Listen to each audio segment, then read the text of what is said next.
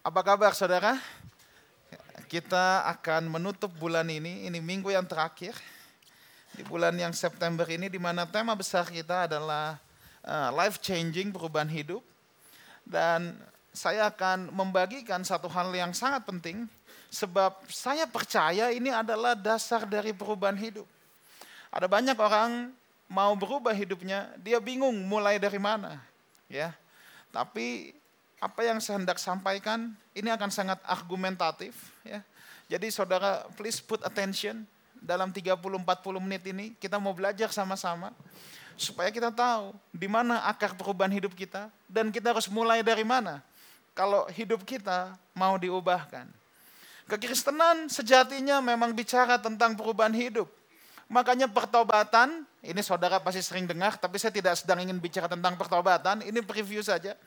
Pertobatan itu kan kalau dalam bahasa Yunaninya metanoia yang berarti berbalik 180 derajat. Kalau dulu kita berjalan menuju dosa, kalau dulu dia kalau kita berjalan dalam kegelapan, kita hidup dalam dosa, sekarang begitu metanoia yang namanya bertobat, kita berbalik 180 derajat. Betul-betul buta haluan. Kalau dulu kita hidup dalam dosa, sekarang kita mau belajar untuk hidup dalam kebenaran.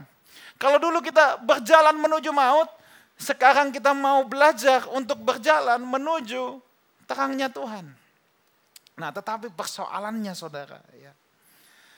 Manusia itu jatuh ke dalam dosa. Dosa selalu punya sifat mengurangi nilai. Dosa selalu punya sifat untuk mengaburkan rencana Tuhan dalam hidup ini. Nah, tetapi saudara harus tahu bahwa dalam Alkitab salah satu narasi terpenting dalam Alkitab ya. Salah satu narasi terpenting dalam Alkitab, ada begitu banyak narasi dalam Alkitab ya.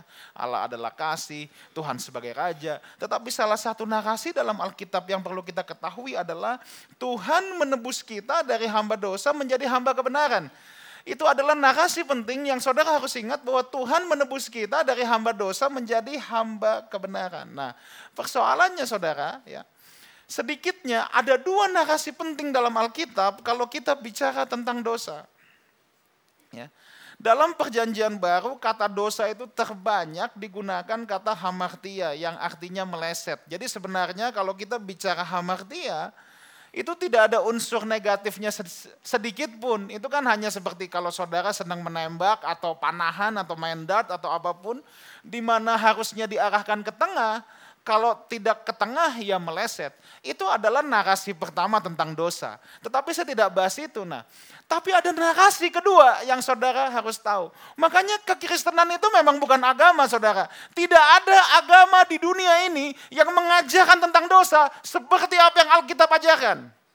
Semua agama pasti kalau bicara tentang dosa, dosa itu adalah perbuatan, mencuri, membunuh, berzina, dan lain sebagainya. Oh yes, dosa memang perbuatan. Tapi ada dua narasi di Alkitab yang terbanyak yang disodorkan oleh Alkitab. Dan ini saudara tidak akan jumpai di mana pun. Yang pertama tadi, dosa adalah hamartia. Kemelesetan. Meleset dari apa? Meleset dari rencana Tuhan. Meleset dari rencana Tuhan. Meleset dari maksud Tuhan menciptakan manusia. Tapi ada narasi kedua. Ini juga tidak pernah disinggung oleh agama mana pun. Narasi yang kedua itu begini. Dosa adalah perbudakan.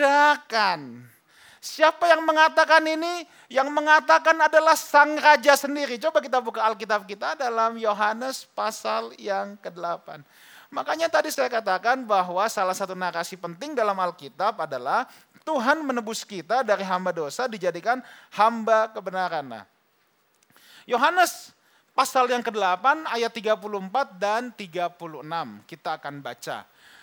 Kata Yesus kepada mereka, aku berkata kepadamu sesungguhnya setiap orang yang berbuat dosa adalah apa? Hamba dosa. Nah, hamba itu digunakan kata dulos. Hamba itu budak dalam Alkitab, dulos itu budak. Ya, kita baca dulu ayat yang ke-36. Jalan keluar dari sorry, ayat yang ke-36. Jadi apabila anak itu memerdekakan, kamu pun benar-benar merdeka. Jadi memang narasi di Alkitab adalah Tuhan memerdekakan kita dari hamba dosa. Nanti kita baca, Tuhan mau pindahkan menjadi hamba kebenaran. Nah, saudara, pernahkah saudara berpikir kenapa sih Tuhan harus mati di kayu salib? Saya percaya setiap orang Kristen pasti pernah memiliki pertanyaan ini dalam hidupnya. Oke, manusia jatuh ke dalam dosa, tapi kan tinggal minta maaf beres. Kalau saya salah sama Pak Simon kan saya tidak harus disalib kan? Saya cukup minta maaf. Bro Simon, I'm so sorry, saya nggak sengaja, saya minta maaf ya. Beres urusan. Kan saya kan Kan saya tidak perlu disalib kan. Kalau saya salah sama Pak James, Pak James saya minta maaf. Manusia salah minta maaf. Ini kenapa Tuhan repot-repot ya bikin drama segala di atas kayu salib. Dengar baik. Karena masalahnya dalam Alkitab dosa adalah perbudakan. Saudara tahu budak, jalan keluar dari perbudakan itu cuma satu, ditebus. Gak ada pilihan lain. Budak itu bukan pembantu, saudara. Budak itu bukan barang. Apa, sorry, budak itu bukan pesuruh. Budak itu seperti barang. Budak itu tidak punya hak sama sekali. Budak itu seperti barang. Makanya di Alkitab itu kan penuh cerita bahwa banyak orang yang Tuhan pakai. Kan kisah-kisah perbudakan kan. Yusuf yang dijual ke Mesir. Tawanan-tawanan perang seperti Daniel. Semua itu budak. Dan masalahnya karena narasi Alkitab bahwa dosa adalah perbudakan, jalan keluar dari perbudakan itu hanya satu, ditebus, dibeli. Itulah sebabnya kenapa Tuhan harus mati di atas kayu salib, karena dia harus membeli. Ini bukan persoalan minta maaf, bukan. Tapi ini masalah harus ada yang ditukar, harus ada yang dibeli, harus ada penebusan. Ya. Nah, budak itu tidak punya hak. Tadi kan saya bilang budak itu seperti barang ya. Budak itu tidak punya hak. Bahkan budak tidak punya identitas. Budak tidak bisa menyembah Tuhan. Makanya ketika Tuhan mau mengeluarkan bangsa Israel dari tanah Mesir, apa yang Tuhan katakan? Suruh Musa bilang sama Firaun, apa? Let my people worship me biarkan umatku menyembahku. Tapi harus dibawa keluar dulu. Selama mereka jadi budak, mereka tidak akan pernah bisa menyembah Tuhan. Budak tidak punya identitas. Budak tidak bisa menyembah. Makanya kalau orang hidup dalam dosa, orang tetap hidup dalam perbudakan dosa, dia tidak akan bisa menyembah Tuhan. Tidak bisa. Budak itu tidak bisa menyembah. Orang yang tetap hidup dalam dosa, dia dia akan bingung tentang siapa identitasnya di hadapan Tuhan. Karena budak memang tidak pernah punya yang namanya identitas. Ya. Zaman sekarang sudah tidak ada budak ya saudara ya. Ini konteks Alkitab zaman dulu. Bangsa Israel ketika dikeluarkan dari tanah Mesir saudara. Masalahnya memang mereka umat pilihan. Tuhan janji sama sama Abraham kan. Tapi masalahnya mereka udah jadi budak 450 tahun. Yang keluar itu memang statusnya umat pilihan Tuhan. Tapi mereka nggak tahu siapa mereka. Karena mereka sudah jadi budak. Mereka tidak tahu siapa identitas mereka. Makanya Tuhan harus menebus mereka, dikeluarkan dulu. Dan yang keluar itu masalahnya sekarang sekelompok besar budak. Itu masalahnya yang dikeluarkan itu sekelompok besar budak. Mereka sudah dibawa keluar, tapi apakah bisa langsung jadi umat Tuhan? Nyatanya tidak. Karena sekarang Tuhan berurusan dengan sekelompok budak. Keluarinnya gampang, tapi ngubah hidup mereka ya untuk mereka mengalami life changing itu nggak gampang saudara. Itu tidak bisa dengan mujizat. Makanya saudara pasti sering mendengar saya mengucapkan ini.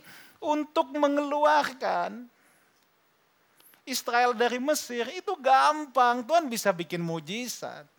Tuhan kasih sepuluh tulah, Firaun juga nyerah.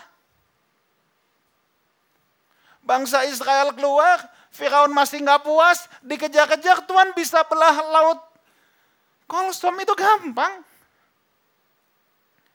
Semua itu bisa dengan mujizat, tapi ketika Tuhan mau mengeluarkan Mesir dari hati orang Israel, itu nggak bisa pakai mujizat, itu masalahnya. Perubahan hidup itu tidak bisa pakai mujizat, tapi begini, apa yang Tuhan kasih? Coba kita mau buka dulu deh. Roma 6 ayat 16 dulu.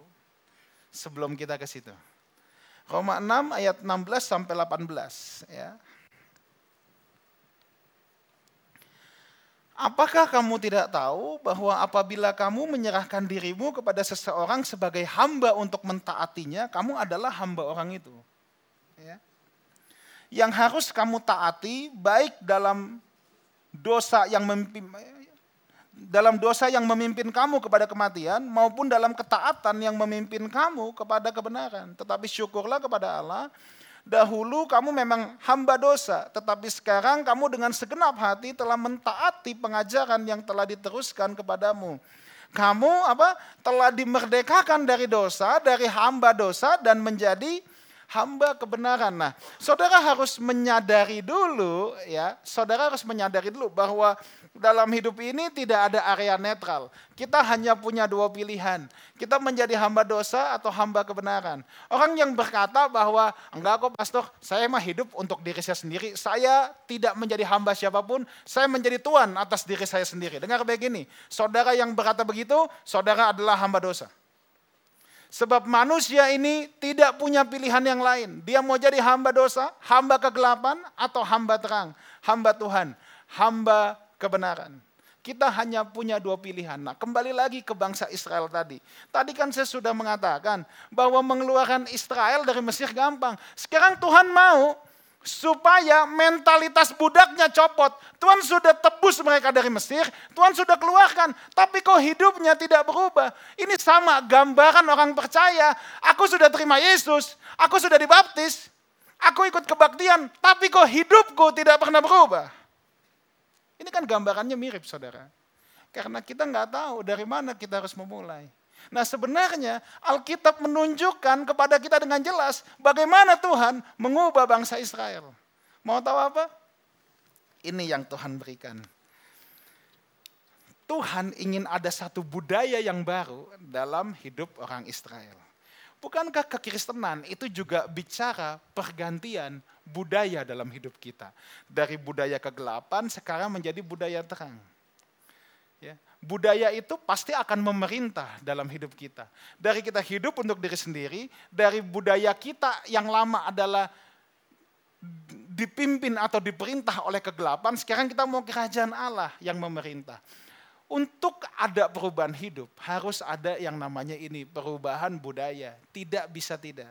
Nah, untuk membangun sebuah budaya harus dimulai dari mana saudara? Dengar baik ini, dari yang namanya hukum Nah, makanya saudara akan melihat ini. Ulangan 6 ayat 4 dan yang kelima. Tuhan ingin ada budaya yang baru di tengah-tengah orang Israel. Tuhan nggak mau lagi ada budaya budak. Tuhan nggak mau ada budaya Mesir. Tuhan mau ganti dengan budaya yang baru. Dan budaya selalu dimulai dengan hukum. Itu sudah pasti. Sebelum kita baca ini, coba saudara pernah bayangkan nggak kenapa ya orang begitu sampai Singapura atau di negara-negara yang sudah sangat teratur, tanpa diperintah loh, mereka mau buang sampah pasti cari tong sampah. Karena ada budaya, iya kan? Tapi kenapa ya gitu mendarat di, di Soekarno Hatta bisa berubah lagi semuanya? Budaya itu punya kuasa, punya power untuk mengubah seseorang tanpa dia sadari. Tapi semua budaya yang ada itu dimulai dengan hukum, pasti. Dimulai dengan hukum. Singapura bisa punya budaya seperti itu, itu sudah ada hukumnya dulu. Sudah ada perintahnya dulu, sudah ada ordernya dulu dari pemerintah sejak sekian lama. Nah, ini yang Tuhan kerjakan untuk bangsa Israel, makanya ini ada pengakuan iman Israel ya, Shema Israel. Ulangan 6 ayat 4, dengarlah hai Israel, Tuhan itu Allah kita, Tuhan itu Esa. Disuruh dengar, disuruh perhatikan. Apa sih yang disuruh dengar? Lihat. Gak taunya hukumnya tuh begini. Kasihilah Tuhan Allahmu dengan segenap hatimu dan dengan segenap jiwamu dan dengan segenap kekuatanmu. Tuhan mau mengganti mentalitas budak yang ada di dalam diri orang Mesir dengan cara apa? Dikasih hukum. Hukumnya itu apa? Nggak taunya. Hukumnya tuh ini, mengasihi Tuhan. Saudara pelan-pelan, ikuti saya. Hukumnya rupanya mengasihi Tuhan. Yes, Tuhan sudah mengasihi mereka sejak mereka dari menjadi budak. Tapi mereka nggak pernah menyadari itu. Makanya di Yeremia 31, Ya. Nanti saudara di rumah bacalah tentang Yeremia 31. Judul perikopnya adalah perjanjian yang baru. Kita kan hidup di zaman perjanjian yang baru. Itu semua sudah dinubuatkan oleh Alkitab bahwa akan ada masa perjanjian baru. Ya. Nah, dalam perkataan Yeremia ya tentang nubuatan perjanjian baru ini itu diawali dengan begini dulu ayat yang ketiga, dari jauh Tuhan menampakkan diri kepadanya, aku mengasihi engkau dengan kasih yang kekal. Sebab itu aku melanjutkan kasih setiaku kepadamu. Garis bawahi ini bahwa aku mengasihi engkau dengan kasih yang kekal. Saudara tahu kekal itu apa? Kekal itu selalu always tidak pernah never, itu kekal. Kasih Tuhan kekal itu artinya Tuhan selalu mengasihi saudara. No matter what tidak ada hal yang bisa menambahi kasih Tuhan dalam hidup kita. Tidak, tidak ada hal yang bisa mengurangi kasih Tuhan dalam hidup kita. Saudara jangan berpikir, kalau saudara jatuh dalam dosa, Tuhan kurang sayang sama saudara. Kalau saudara banyak pelayanan, Tuhan tambah sayang sama saudara. Enggak, kasih Tuhan itu kekal. Kekal itu penuh, full, utuh. Mau apa pun yang saudara kerjakan, tetap Tuhan mengasihi saudara dengan kasih yang kekal. Itu yang firman Tuhan katakan. Tapi kalau orang hidup dalam kegelapan tentu ada konsekuensi. Tentu ada konsekuensi, tapi bukannya berarti Tuhan tidak mengasihi. Tuhan tetap mengasihi. Makanya seperti anak yang hilang, kapan pun dia mau pulang, bapaknya terima. Sebab kasihnya kekal. Memang kita dalam hidup ini ya, kalau saudara lihat Lukas 15, itu kan ada, itu kan rangkaian perumpamaan yang hilang. ya Yang pertama domba yang hilang, dicari sama gembalanya, ya kan? Yang kedua mutiara yang hilang dicari sama pemiliknya. Sampai yang ketiga anak yang hilang nggak dicari sama bapaknya. Loh, ya nggak? Apakah saudara notice akan hal itu? Oh ya, tentu dalam pelayanan saya banyak bertemu ya dengan berbagai macam manusia. Ada yang domba yang hilang kita harus cari. Mutiara yang hilang harus dicari. Tapi ada yang memang udah bubble banget anak yang hilang. Kadang-kadang manusia itu untuk dia mau pulang kepada Tuhan harus dikasih makanan babi dulu. Kalau enggak dia nggak mau pulang. Untung anaknya pulang loh. Kalau dia makan makanan babi tetap nggak mau pulang, gimana coba? Untung dia pulang. Tapi saudara perhatikan, bapaknya nggak nyari loh, ya nggak? Nggak nyari, udah. Itu pilihan dia. Apa yang terjadi, terjadilah. Tapi kapan pun dia mau pulang, bapaknya terima. Sebab memang Bapaknya mengasihi dengan kasih yang kekal. Itu Tuhan. Nah, tapi saya mau fokus di sini. Kalau saudara lihat Yeremia 31 ayat 33. Nah, ini akan bertalian dengan hidup kita. Ingat, Israel adalah pelajaran bagi kita. Tetapi beginilah perjanjian yang kuadakan dengan kaum Israel sesudah waktu itu. Demikianlah firman Tuhan. Lihat ini. Aku akan menaruh Tauratku dalam batin mereka dan menuliskannya dalam hati mereka. Maka aku akan menjadi Allah mereka dan mereka akan menjadi umatku. Ingat ini nubuatan tentang perjanjian yang baru. Untuk saudara dan saya yang hidup di zaman ini jadi untuk bangsa Israel Tuhan kasih Taurat, tapi Tauratnya di luar. Tauratnya tuh di luar, berupa tulisan. Tapi untuk umat perjanjian baru, Taurat itu Tuhan taruh dalam hati saudara. Taurat itu Tuhan taruh dalam hati kita. Makanya orang itu jangan berdebat. Kita masih perlu mentaati 10 perintah Tuhan gak sih? Enggak, dulu di luar, sekarang di dalam Pak, Bu. Dan tadi kan kita sudah baca kan, Tuhan kasih hukum. Nah memang perjanjian baru itu tuh gimana? Memang perjanjian baru tuh gimana? Nah coba kita lihat Matius 22. Guru, hukum manakah yang terutama dalam hukum Taurat? Ini Yesus yang mengatakan. Jawab Yesus kepadanya, kasihilah Tuhan Allahmu dan dengan segenap hatimu dan dengan segenap jiwamu dan dengan segenap akal budimu. Loh ini sama nggak sama yang tadi? Sama kan? Ini sama kan sama hukum yang Tuhan kasih ke Israel pertama kali kan? Mengasihi Tuhan itu kan? Nah, tapi Tuhan tambahin gini, itulah hukum yang terutama dan yang pertama. Rupanya kalau kita lihat dekalo, 10 perintah Tuhan, kalau diperes hukum 1 sampai 4, ya memang ini Lalu ada hukum ke-6 sampai ke-10, hormatilah ayahmu, ibumu, jangan berzina, jangan mencuri, jangan membunuh, dan lain sebagainya. Nah Tuhan sarikan dengan ini. Dan hukum yang kedua yang sama dengan itu ialah kasihilah sesamamu manusia seperti dirimu sendiri. Pada kedua hukum inilah tergantung seluruh hukum Taurat dan kitab para nabi. Jadi perjanjian lama punya begitu banyak aturan. Kalau diperes jadi dua hukum ini. Dan dua hukum ini sekarang Tuhan taruh dalam loh hati Bapak, Ibu, dan saya. Ingat untuk hidup bisa berubah, Tuhan harus kasih budaya. Budaya dimulai dari hukum. Sekarang hukum itu Tuhan taruh dalam diri kita masing-masing. Dalam loh hati kita. Dalam batin kita. Nah, ini poin pentingnya. Ini poin pentingnya. Kalau kita mau hidup kita berubah, saudara harus memandang apa? kasih sebagai hukum. Saya ulang lagi. Untuk untuk mengubah budaya itu perlu hukum. Dan hukum itu apa? Rupanya kasih. Makanya kasih itu hukum. Orang kalau mau berubah hidupnya, dia harus menyadari dulu ini. Kasih itu hukum.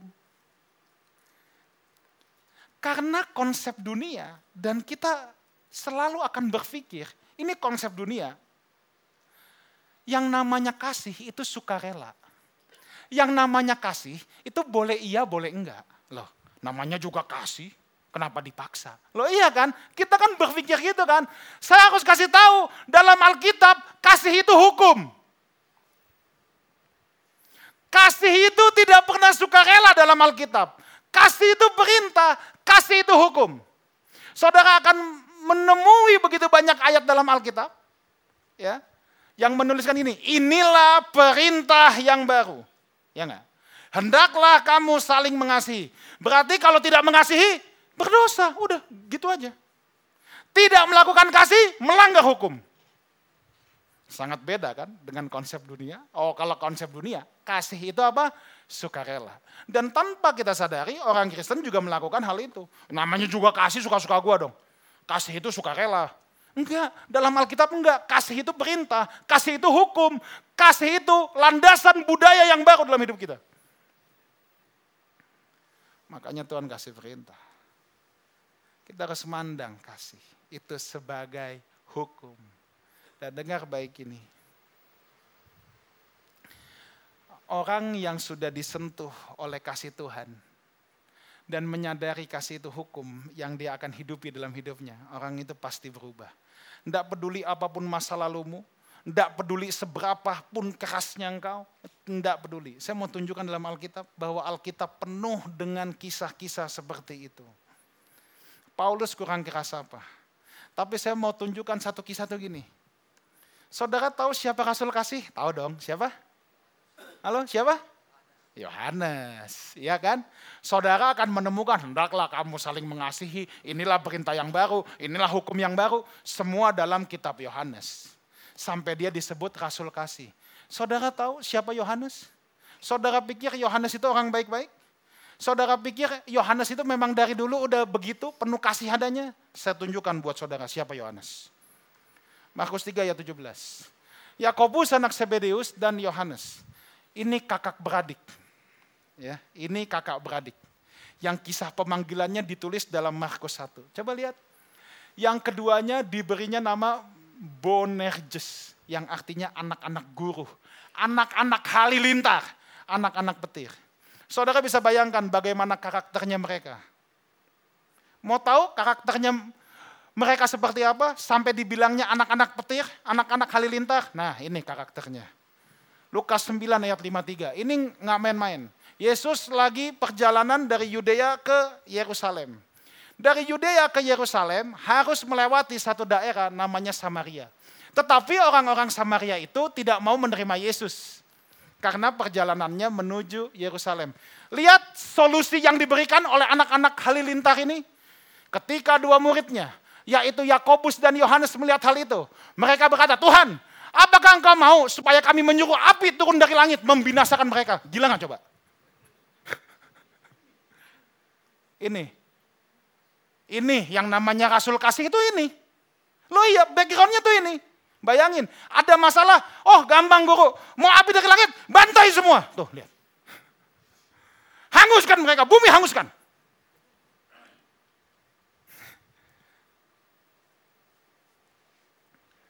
Itu Rasul kasih. Ini, ini, kelakuannya tuh begini. Backgroundnya tuh begini. Jadi saudara jangan pikir udah udah otomatis. Enggak, enggak. Backgroundnya begini.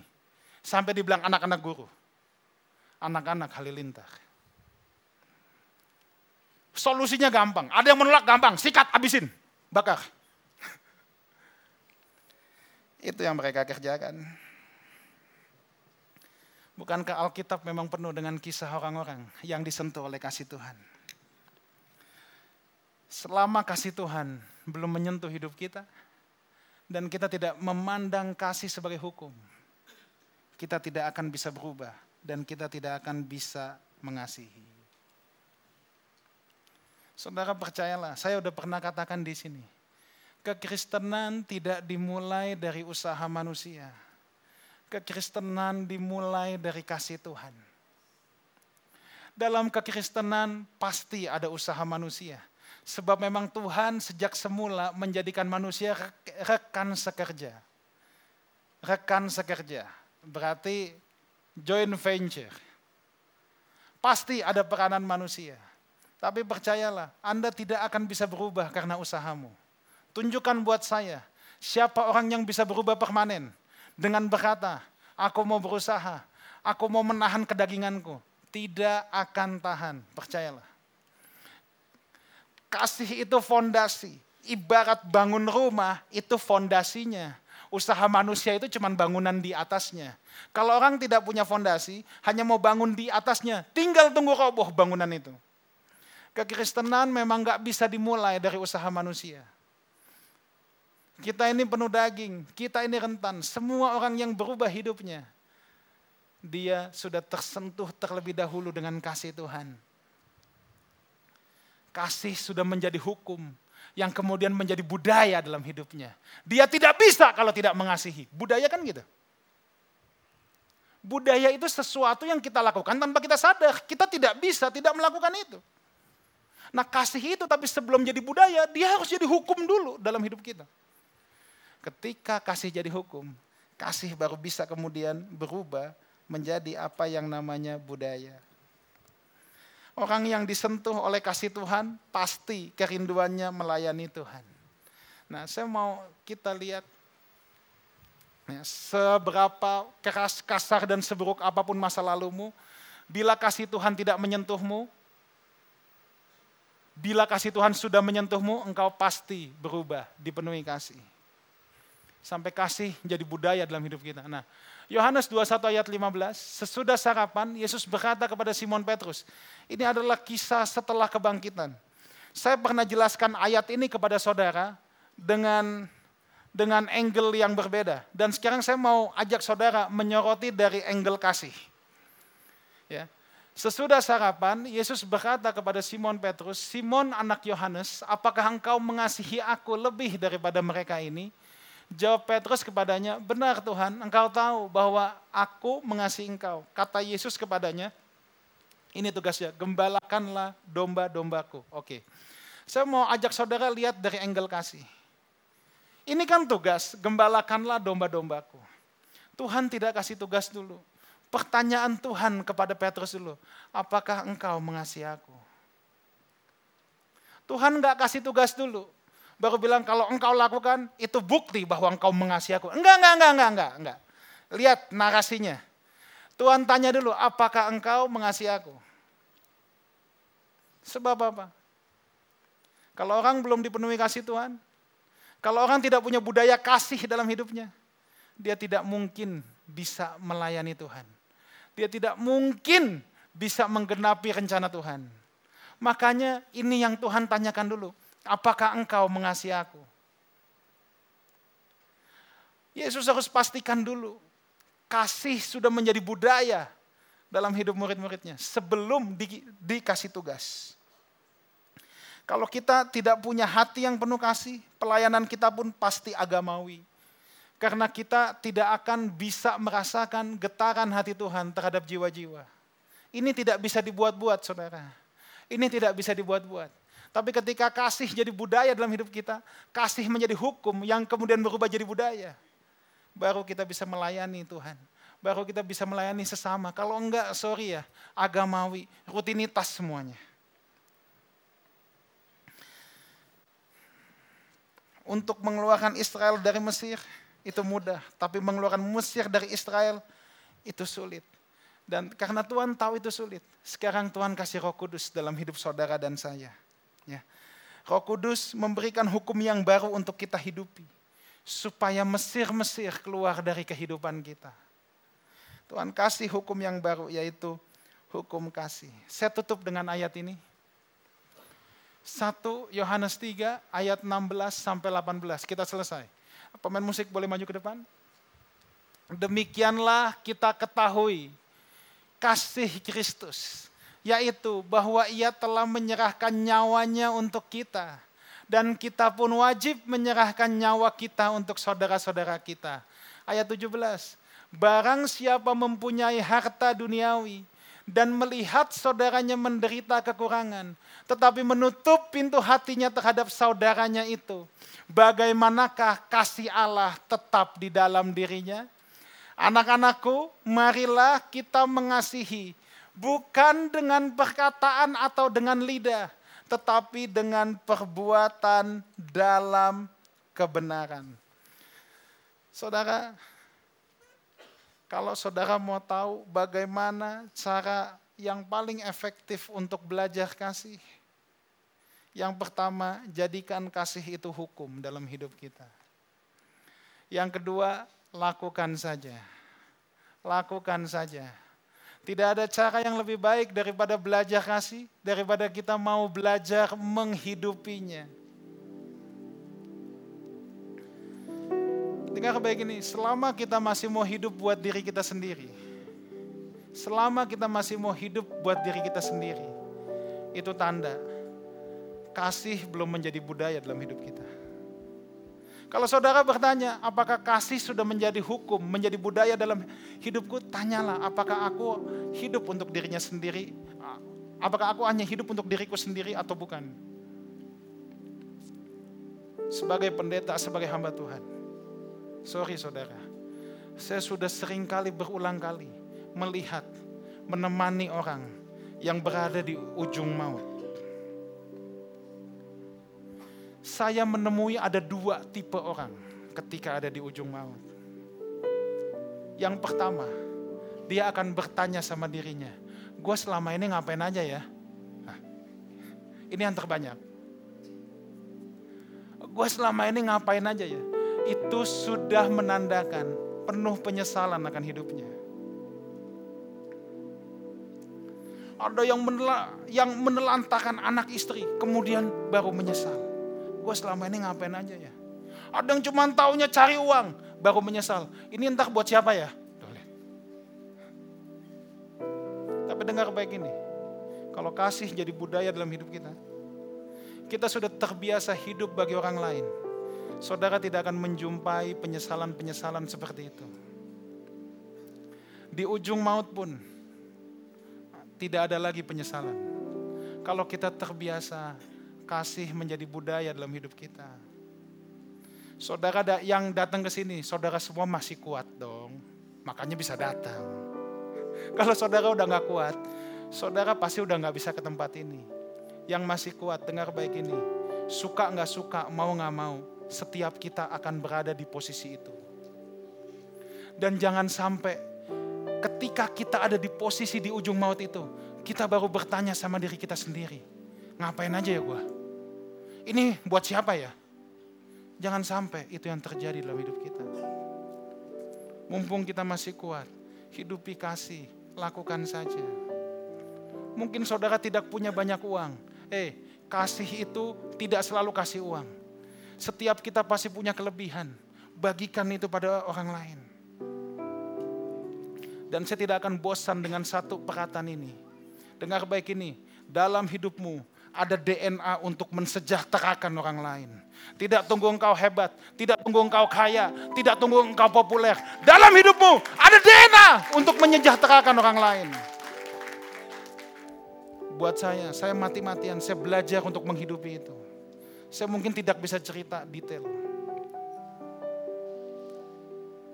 Tapi saya sangat mempercaya ini, dalam hidup saya ada DNA untuk mensejahterakan orang lain. Hidupi kasih sebagai hukum, sampai kasih itu menjadi budaya, hidupmu pasti berubah. Amin. Kita bangkit berdiri, kita datang sama Tuhan.